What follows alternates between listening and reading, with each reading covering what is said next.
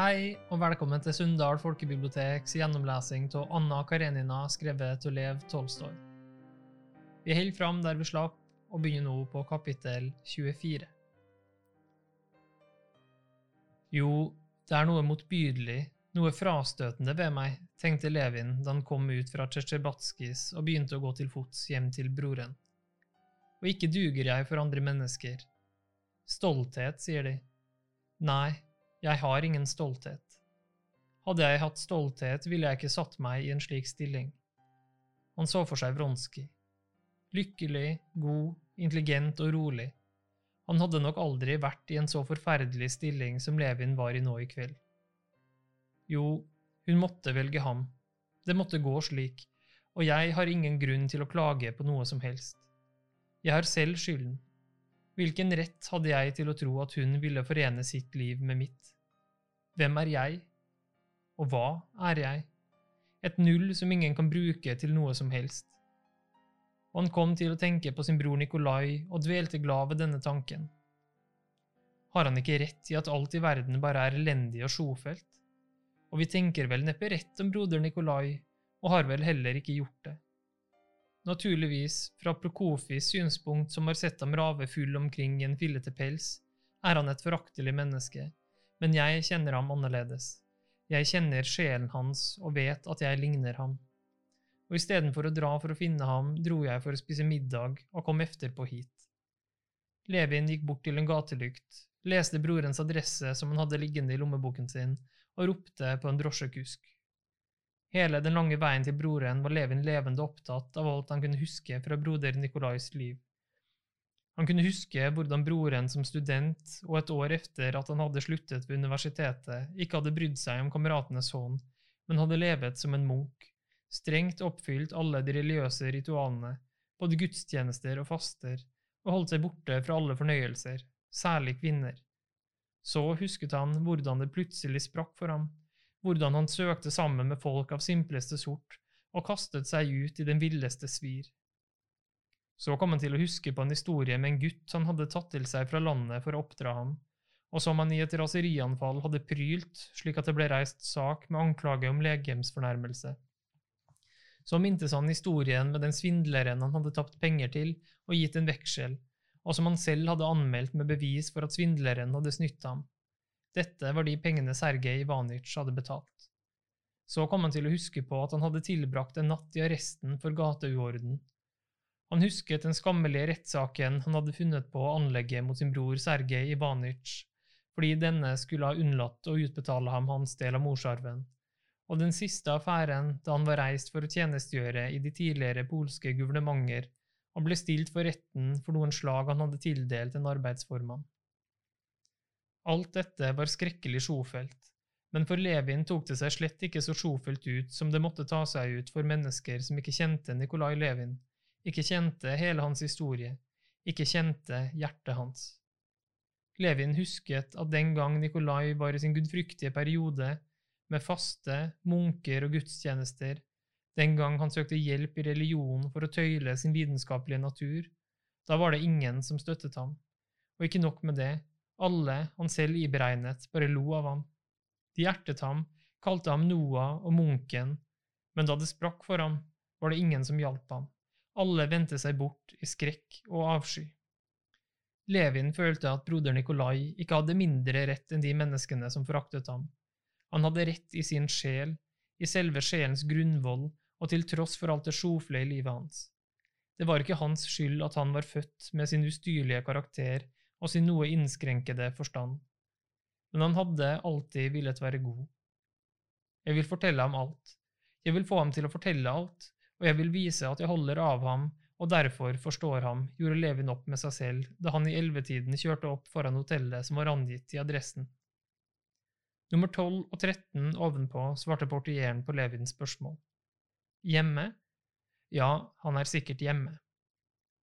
Døren til nummer tolv sto halvt åpen, og i lysstrimen fra åpningen sev det ut tykk røk av dårlig, svak tobakk. Levin hørte en stemme han ikke kjente, men han forsto med en gang av brorens hosting at han var til stede. Da han kom inn i døråpningen, sa den ukjente stemmen, Det kommer helt an på hvor fornuftig og bevisst arbeidet blir ledet. Konstantin Levin kikket inn gjennom døråpningen og så at det var en ung mann i vest og med en veldig hårmanke som snakket, mens en ung, kopparet kvinne i en ullkjole uten mansjetter og krave satt på en divan. Broren var ikke å se. Hjertet snørte seg smertelig sammen i Konstantin ved tanke på hva slags fremmede mennesker broren levet mellom. Ingen hadde hørt ham, og mens han tok av seg kalosjene, lyttet han til hva den unge mannen i vest hadde å si. Han snakket om et eller annet foretagende. Ja, fanden ta de privilegerte klassene, hostet brorens stemme frem. Masha, skaff oss noe til aftens og la oss få vin, om det er noe igjen. Hvis ikke får du sende bud efter noe. Kvinnen reiste seg, kom fram bak den provisoriske veggen og fikk øye på Konstantin. Det er en herre her, Nikolai Dmitritsj, sa hun. Hvem skal de ha tak i? sa Nikolai Levins stemme sint. Det er jeg, svarte Konstantin Levin og trådte frem i lyset. Hvilken jeg? gjentok stemmen til Nikolai enda sintere. Han hørte hvorledes han skyndte seg å komme på bena, men hang fast i et eller annet, og i døren foran seg så Levin den digre, magre, lutende skikkelsen til broren med de store, forskremte øynene. Han kjente den så godt, men allikevel ble han slått av det ville og sykelige uttrykket hans. Han var enda tynnere enn for tre år siden, da Konstantin Levin sist så ham. Han hadde på seg en kort jakke. Både hendene og de brede knoklene virket enda sværere enn før. Håret var blitt tynnere, de samme rette bartene hang ned på leppene, de samme øynene så besynderlig og naivt på den inntredende. Nei, Kostja, sa han plutselig da han hadde gjenkjent broren, og øynene hans lyste opp i glede. Men i samme sekund gløttet han bort på den unge mannen og gjorde en krampaktig bevegelse Konstantin kjente meget godt, med hodet og halsen, akkurat som slipset klemte ham, og det kom et helt annet, vilt, lidende og hardt uttrykk i det uttærte ansiktet hans. Jeg har skrevet både til dem og Sergej Ivanitsj at jeg ikke kjenner dem, og ikke vil kjenne dem. Hva er det du, hva er det de vil? Han var slett ikke som Konstantin hadde forestilt seg ham. Det vanskeligste og sletteste i karakteren hans, det som gjorde det så svært å omgås ham, det hadde Konstantin Levin glemt da han tenkte på ham, og nå, da han fikk se ansiktet hans, og særlig denne krampaktige virringen med hodet, husket han det alt sammen. Jeg behøver jo slett ikke treffe deg, svarte han beskjedent. Jeg er bare kommet for å se til deg. Brorens beskjedenhet blidgjorde tydeligvis Nikolai. Det rykket i leppene hans. Nei, er du det? sa han. Ja, da får du komme inn og sette deg. Vil du ha aftens? Masha, dekk på til tre. Nei, vent, vet du hvem dette er? sa han til broren og pekte på mannen i vest. Det er herr Kritski, som har vært min venn helt fra Kiev-tiden. En høyst bemerkelsesverdig mann, han blir naturligvis forfulgt av politiet fordi han ikke er noen skurk. Og som han hadde for vane, lot han blikket gli over alle som var i rommet. Da han så at kvinnen sto i døren og gjorde tegn til å gå, ropte han til henne. Vent, sa jeg. Og på den klossete og usammenhengende måten som Konstantin kjente så godt, begynte han å fortelle Kritskis livshistorie mens han lot blikket vandre om på dem alle. Hvordan han var blitt utvist fra universitetet fordi han hadde åpnet søndagsskoler og en støtteordning for fattige studenter, hvordan han var begynt som lærer i folkeskolen, hvordan han var blitt satt på porten der også, og hvordan han til slutt var blitt dømt for et eller annet. Så de har studert i Kiev, sa Konstantin Levin til Kritski for å bryte den pinlige tausheten. Ja, i Kiev, svarte Kritski sur og sint. Og den kvinnen, avbrøt Nikolai Levin og pekte på henne, det er min livsledsagerske, Marja Nikolajevna. Jeg har funnet henne på et hus, og det rykket i halsen hans da han sa dette. Men jeg elsker og akter henne, og alle som ønsker å kjenne meg, la han til med hevet stemme og rynkede bryn, ber jeg elske og akte henne. Hun har samme stilling som en hustru, samme stilling. Så nå vet du hvem du har med å gjøre, og hvis du mener du nedverdiger deg, så er døren der. Og atter gled øynene hans spørrende over alle. Hvorfor jeg skulle nedverdige meg, skjønner jeg ikke. Så bestill aftens, Masha tre porsjoner, vodka og vin. Nei, vent. Nei, det var ingenting. Bare gå. Kapittel 25 Der ser du, fortsatte Nikolai Levin mens han rynket pannen og rykket nervøst på seg. Det var tydeligvis vanskelig for ham å vite hva han skulle si og gjøre. Ser du der borte? Han pekte bort i et hjørne av værelset hvor det sto noen jernstenger med tau rundt. Ser du det? Det er begynnelsen til noe nytt vi skal gå i gang med. Det nye er et arbeiderkollektiv. Konstantin hørte nesten ikke efter. Han fortapte seg i det kleine, tæringssyke ansiktet og fikk stadig mer vondt av han og han greide ikke å høre på det broren hadde å fortelle om kollektivet. Han innså at dette kollektivet bare var et nødanker som skulle frelse ham fra selvforakten. Nikolai Levin fortsatte å snakke. Du vet at kapitalen undertrykker arbeideren. Våre arbeidere, bøndene, bærer hele arbeidets byrde og er slik stillet at de kan slite så mye de bare vil. Ut av sin elendige stilling kommer de ikke. Alt overskuddet av lønnen som de hadde kunnet bruke til å bedre sine kår, skaffe seg fritid og dermed utdannelse, alt de har til overs, det tar kapitalistene fra dem. Og slik er samfunnet innrettet, at jo mer de arbeider, jo rikere blir kjøpmennene og jordeierne. Men selv vil de alltid være arbeidsdyr. Og denne tilstanden må forandres, sluttet han og så spørrende på broren. Ja, naturligvis, sa Konstantin og festet seg ved rødmen som trådte frem under brorens utstående kinnben. Og så skal vi organisere en kollektiv smie hvor hele produksjonen, både fortjenesten og, det er hovedsaken, produksjonsmidlene, alt er felles. Hvor skal så kollektivet være? spurte Konstantin Levin. I landsbyen Vostdroma i guvernementet Kazan. Men hvorfor i en landsby? På landet har da så vidt jeg vet folk nok å gjøre fra før. Hvorfor skal smien ligge i en landsby? Jo, fordi bøndene er like mye treller nå som de var tidligere, og derfor liker ikke du og Sergej Ivanic at noen vil bringe dem ut av denne trelldommen, sa Nikolai Levin, som var blitt ergerlig over innvendingen. Konstantin Levin sukket mens han så seg om i det dystre og skitne rommet. Dette sukket så ut til å ergre Nikolai enda mer. Jeg kjenner din og Sergej Ivanic aristokratiske meninger, jeg vet at han bruker all sin åndskraft for å rettferdiggjøre den bestående ondskap. Nei, men hvorfor snakker du om Sergej Ivanic, sa Levin med et smil. Sergej Ivanic, jo, det skal jeg si deg, braste ut av ham da han hadde nevnt Sergej Ivanovitsjs navn. Det skal jeg si deg. Hva var det jeg ville si? Bare én ting. Hvorfor er du kommet til meg? Du forakter dette. Utmerket. Adjø med deg. Adjø og ut, skrek han og reiste seg fra stolen. Ut! Ut! Jeg forakter det slett ikke, sa Konstantin Levin forsiktig, jeg sier deg jo ikke imot engang. Nå kom Marja Nikolajevna tilbake. Nikolai Levin snudde seg sint mot henne. Hun gikk bort til ham og hvisket noe. Jeg er ikke bra. Jeg er blitt så pirrelig, sa Nikolai Levin, som nå var blitt litt roligere og pustet tungt. Og så kommer du og begynner å snakke med meg om Sergej Ivanic og artikkelen hans. Make til brøvl, make til løgn og selvbedrag. Hva kan et menneske skrive om rettferdighet som ikke aner hva det er for noe? Har De lest artikkelen hans? sa han til Kritski og satte seg til bordet igjen. Han feiet i halvt røkte sigarettene vekk så det ble fri plass. Jeg har ikke lest den, sa Kritski dystert, og hadde tydeligvis ingen lyst til å blande seg i samtalen. Hvorfor ikke? Nå gikk Nikolai Levins ergrelse ut over Kritski fordi jeg ikke anser det nødvendig å spille tid på det. Altså, si meg, hvordan vet de så at de vil spille tiden? Artikkelen er utilgjengelig for mange. Den ligger for høyt for dem, men jeg, det er en annen ting, jeg ser tvers gjennom tankene hans og vet hvorfor det hele ikke holder. Alle tidde. Kritski reiste seg langsomt og ville ta luen sin. Vil det ikke bli til aftens? Nei vel, adjø. Så kommer de i morgen sammen med smeden.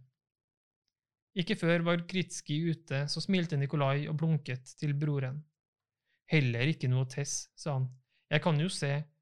Men nå kom Kritski frem i døren og ropte på ham.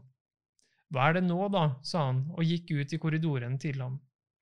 Levin ble alene igjen med Marja Nikolajevna og begynte å snakke med henne.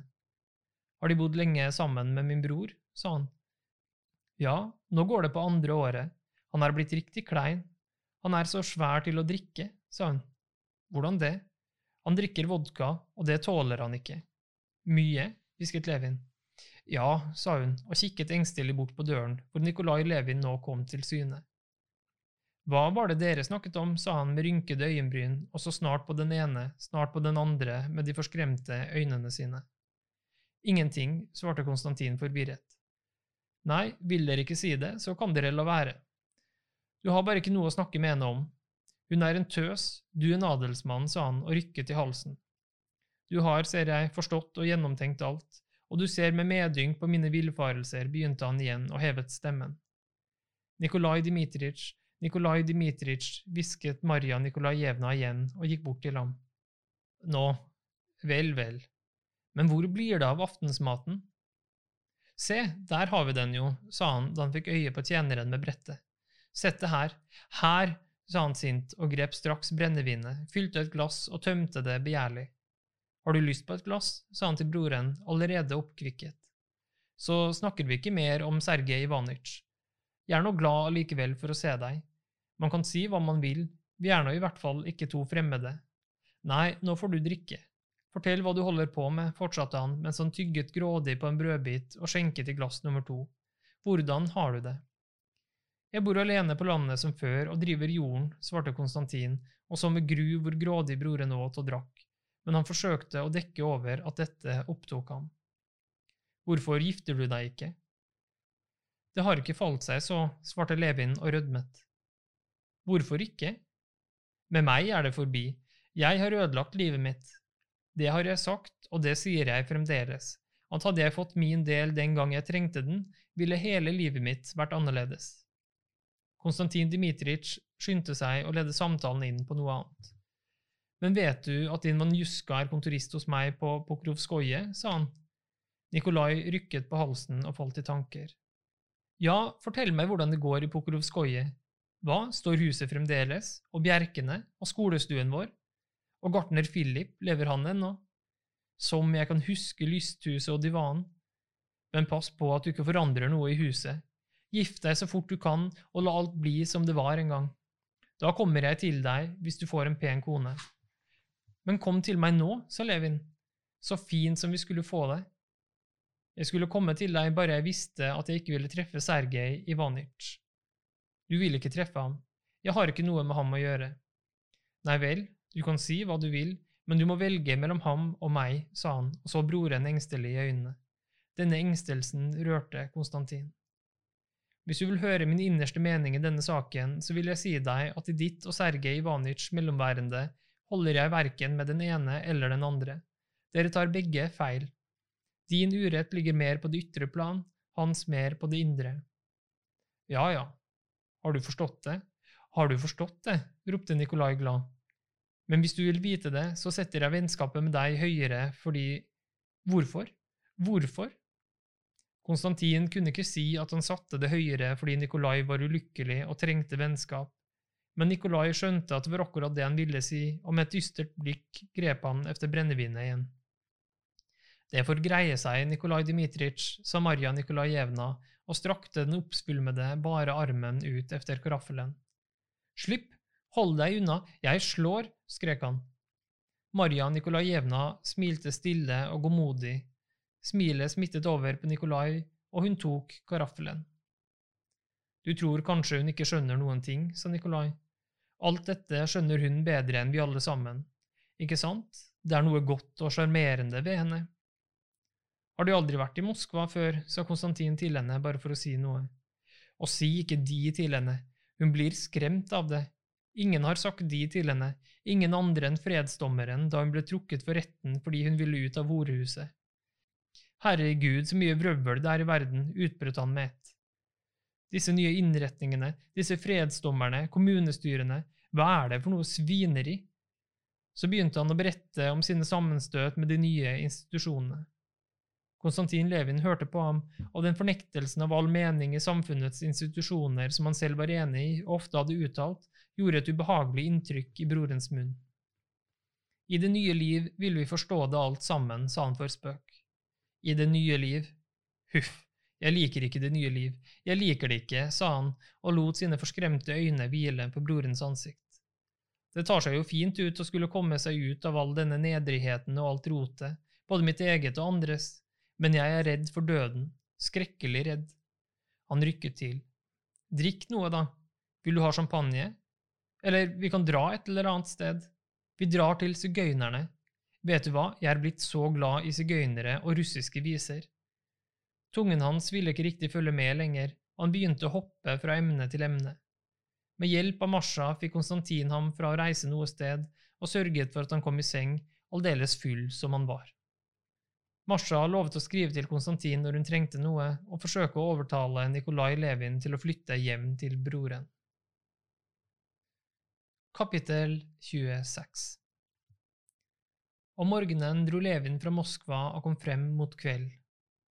På veien i jernbanevognen snakket han med dem han satt sammen med, om politikk, om de nye jernbanene, og akkurat som i Moskva ble han overveldet av alle de motstridende oppfatningene, av misnøye med seg selv og en uklar skamfølelse. Men da han gikk av toget på jernbanestasjonen hjemme og fikk øye på den enøyde kusken Ignat med kaftankraven oppslått, da han i det svake lyset fra vinduene i stasjonsbygningen så sleden sin med overbretsle og hestene sine med oppbundne haler og seletøy med ringer og frynser, da kusken Ignat alt mens han spente hestene for, begynte å fortelle ham nytt fra landsbyen, at det var kommet en kar for å verve arbeidere, at Pava hadde kalvet, da følte han at virvaret begynte å løse seg opp, og at skamfølelsen og misnøyen forsvant. Dette følte han alt da han fikk se Ignat og hestene, men da han hadde tatt på seg tuluppen Ignat hadde hatt med til ham, pakket seg inn i overbretselet, satt seg vel til rette og kjørte av sted mens han tenkte på alt som nå måtte ordnes i landsbyen, og så på sidehesten, en tidligere ridehest fra Don som en gang var blitt sprengt, men var fyrig allikevel, da begynte han å se ganske annerledes på det som hadde hendt ham. Han følte seg som seg selv, og noen annen ville han ikke være. Han ville bare være bedre nå enn han hadde vært før. For det første satte han seg fore at fra denne dag skulle han ikke håpe på noen særskilt ekteskapslykke, og følgelig ikke forakte den lykke han allerede hadde.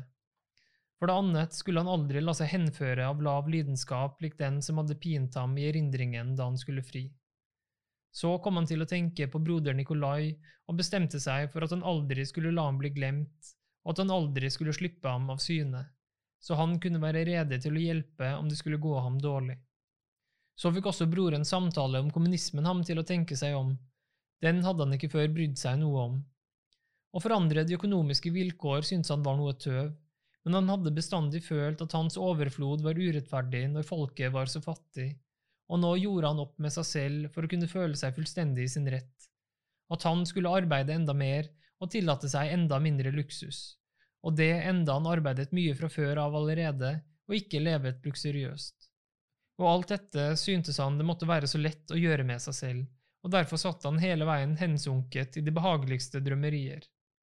Med et friskt håp om et nytt og bedre liv kjørte han opp foran huset sitt. Vinduene i rommet til Agafja Mishailovna, den gamle barnepiken hans som nå var blitt husholderske, kastet lys ut på den lille, snedekte plassen foran huset. Hun var fremdeles våken. Hun vekket Kusma som søvnig og barfotet løp ut på trappen. Fuglehunden Laska kom også settende, rev nesten Kusma over ende og gned seg ulende mot knærne hans, reiste seg på to og ville legge forbena på brystet hans, men torde ikke. De kom fort tilbake, herre, sa Agafja Mishalovna. Jeg orket ikke mer, Agafja Misjailovna. Borte bra, men hjemme best, sa han og gikk inn på værelset sitt. Et lys ble brakt inn og gjorde langsomt sin virkning i rommet. De kjente tingene trådte frem, hjortegeviret, hyllene med bøker, baksiden av ovnen som stakk inn fra værelset ved siden av, ovnsventilen som lenge hadde trengt reparasjon, farens divan, det store bordet og på bordet en åpen bok, et i stykker slått askebeger og en skrivebok med hans egen håndskrift. Da han så alt dette, tvilte han et øyeblikk på at han ville greie å begynne det nye livet han hadde drømt om på veien. Det var som alle disse sporene av livet hans grep fatt i ham og sa, Nei, du unnslipper ikke oss og blir ikke en annen, du blir akkurat som du har vært, full av tvil, alltid misfornøyd med deg selv, med fåfengte forsøk på bedring, med fall og i stadig forventning om en lykke som du ikke fikk, og som du ikke kan nå. Men dette var det tingene hans som sa. En annen røst i sinnet hans sa at han ikke måtte la seg kue av fortiden, og at han var i stand til å utrette alt med seg selv.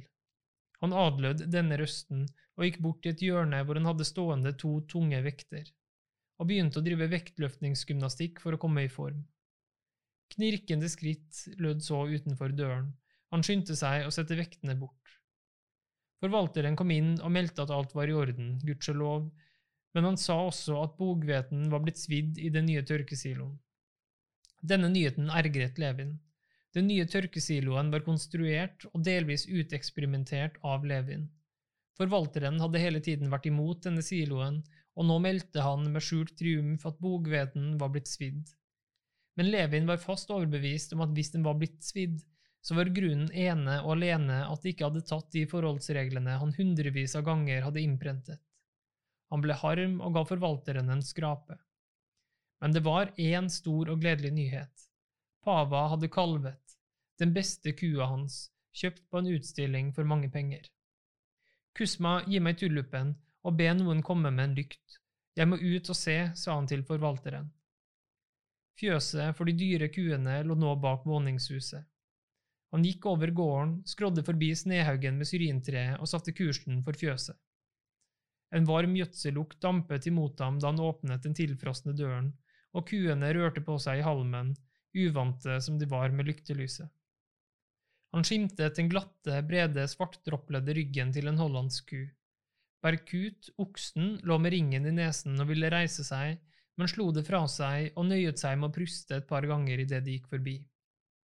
Den røde skjønnhet, Pava, var svær som en flodhest og vendte baken til, så den skjulte kalven, som den lå og snuste på for de inntredende.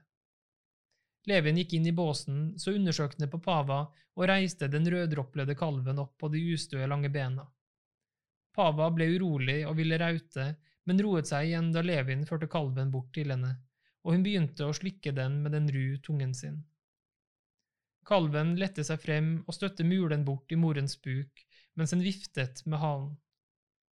Kom hit med lykten, Fjodor, Kom hit, sa Levin mens han undersøkte kalven. Den ligner moren. Det gjør ikke noe at farven er farens. Riktig fin, lang og buken er bra. Vasilij Fjordorovitsj, den er bra, ikke sant, sa han til forvalteren, som han i glede over kalven helt hadde tilgitt den brente bokhveten. Hvem skulle den ha noe dårlig efter? Men Semjon kom for å verve folk dagen etter at de var reist. Vi får komme overens med ham, Konstantin Dmitritsj, sa forvalteren.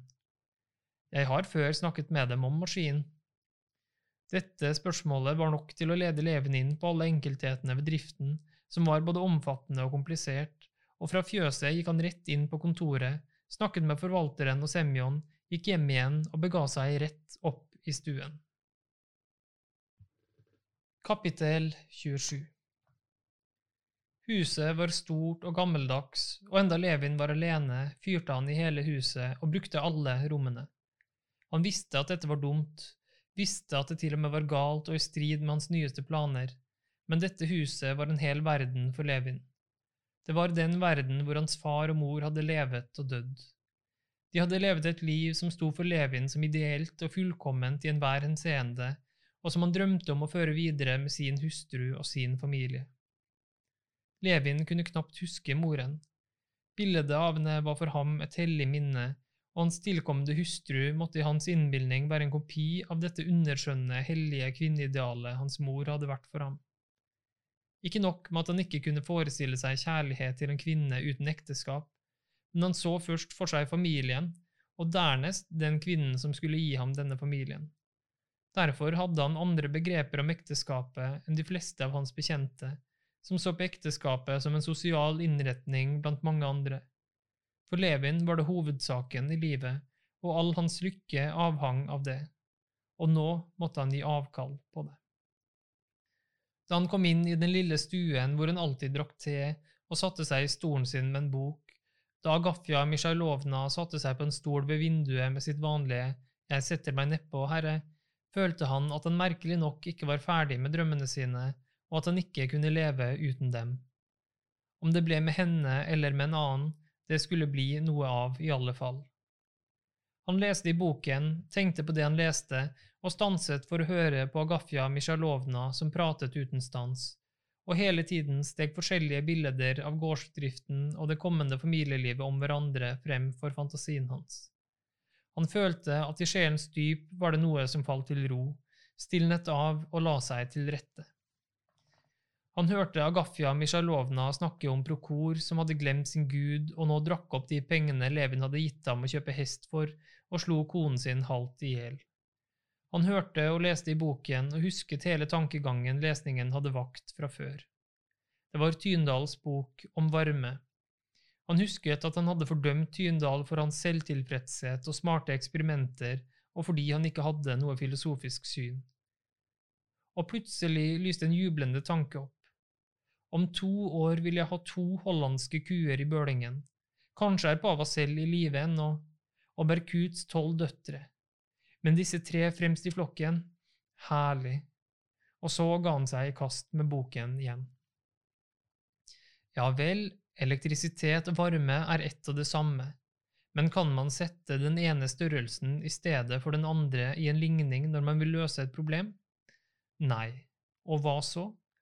Forbindelsen mellom disse to naturkreftene føler man jo allikevel instinktivt.